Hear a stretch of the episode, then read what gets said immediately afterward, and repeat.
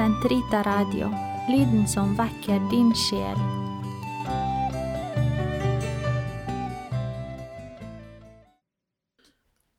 Den katolske kirkes katekisme, uke 46, fredag 24.19 til 24.25. Kirkens sosiallære. Den kristne åpenbaring skaffer en dypere innsikt i de samfunnslover som skaperen har risset inn i menneskets åndelige og moralske natur.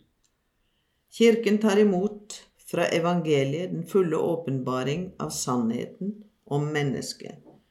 Når den utøver sin sendelse til å forkynne evangeliet, bekrefter den i Kristi navn overfor mennesket dets egenverd og dets kall til fellesskap mellom mennesker. Den underviser om hva rettferdighet og fred krever i samsvar med den guddommelige visdom. Kirken foretar en moralsk bedømmelse i økonomiske og sosiale anliggender når grunnleggende menneskerettigheter og sjelens frelse gjør det påkrevet. I den moralske orden hører Kirken inn under et oppdrag som er forskjellig fra de politiske myndigheters. Kirken tar seg av de timelige sider ved det felles beste på grunn av deres innordning under det høyeste gode, vår endelige bestemmelse. Den forsøker å inspirere til riktige holdninger i forhold til jordiske goder og i sosioøkonomiske forhold. Kirkens sosiallære ble utviklet i det 19. århundre i møte mellom evangeliet og det moderne industrisamfunn, dets nye strukturer i fremstillingen av konsumvarer, dets nye oppfatning av samfunnet, av staten og myndighetene, dets nye former for arbeid og eiendom.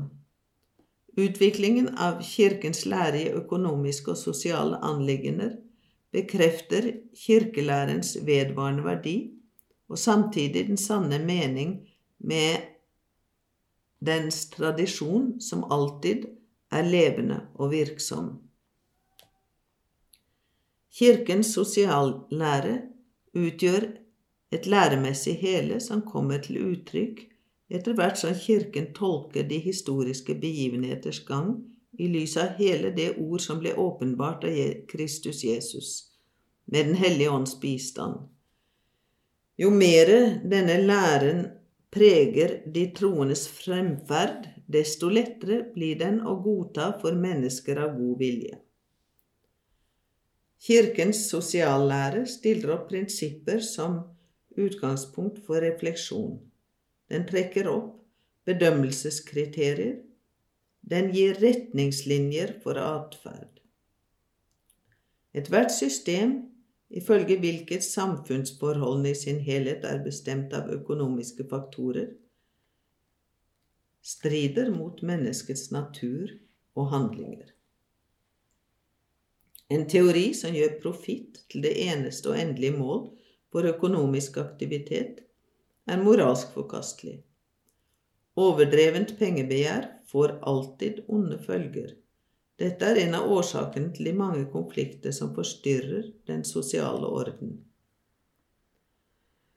Et system som ofrer menneskers og gruppers grunnleggende rettigheter til fordel for en kollektiv organisering av produksjonen, strider mot menneskeverdet.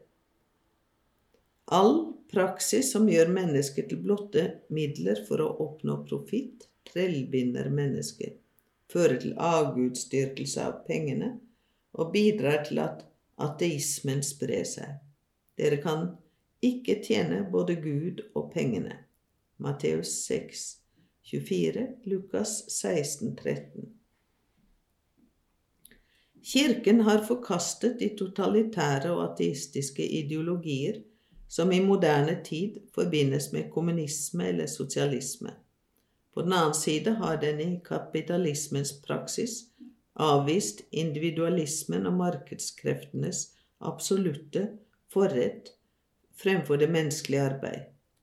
Å regulere økonomien bare ved sentralisert planlegging ødelegger de sosiale forhold fra grunnen av. Å regulere den bare ved hjelp av markedskreftene er mangel på sosial rettferdighet. For det finnes mange menneskelige behov som markedet ikke kan tilfredsstille.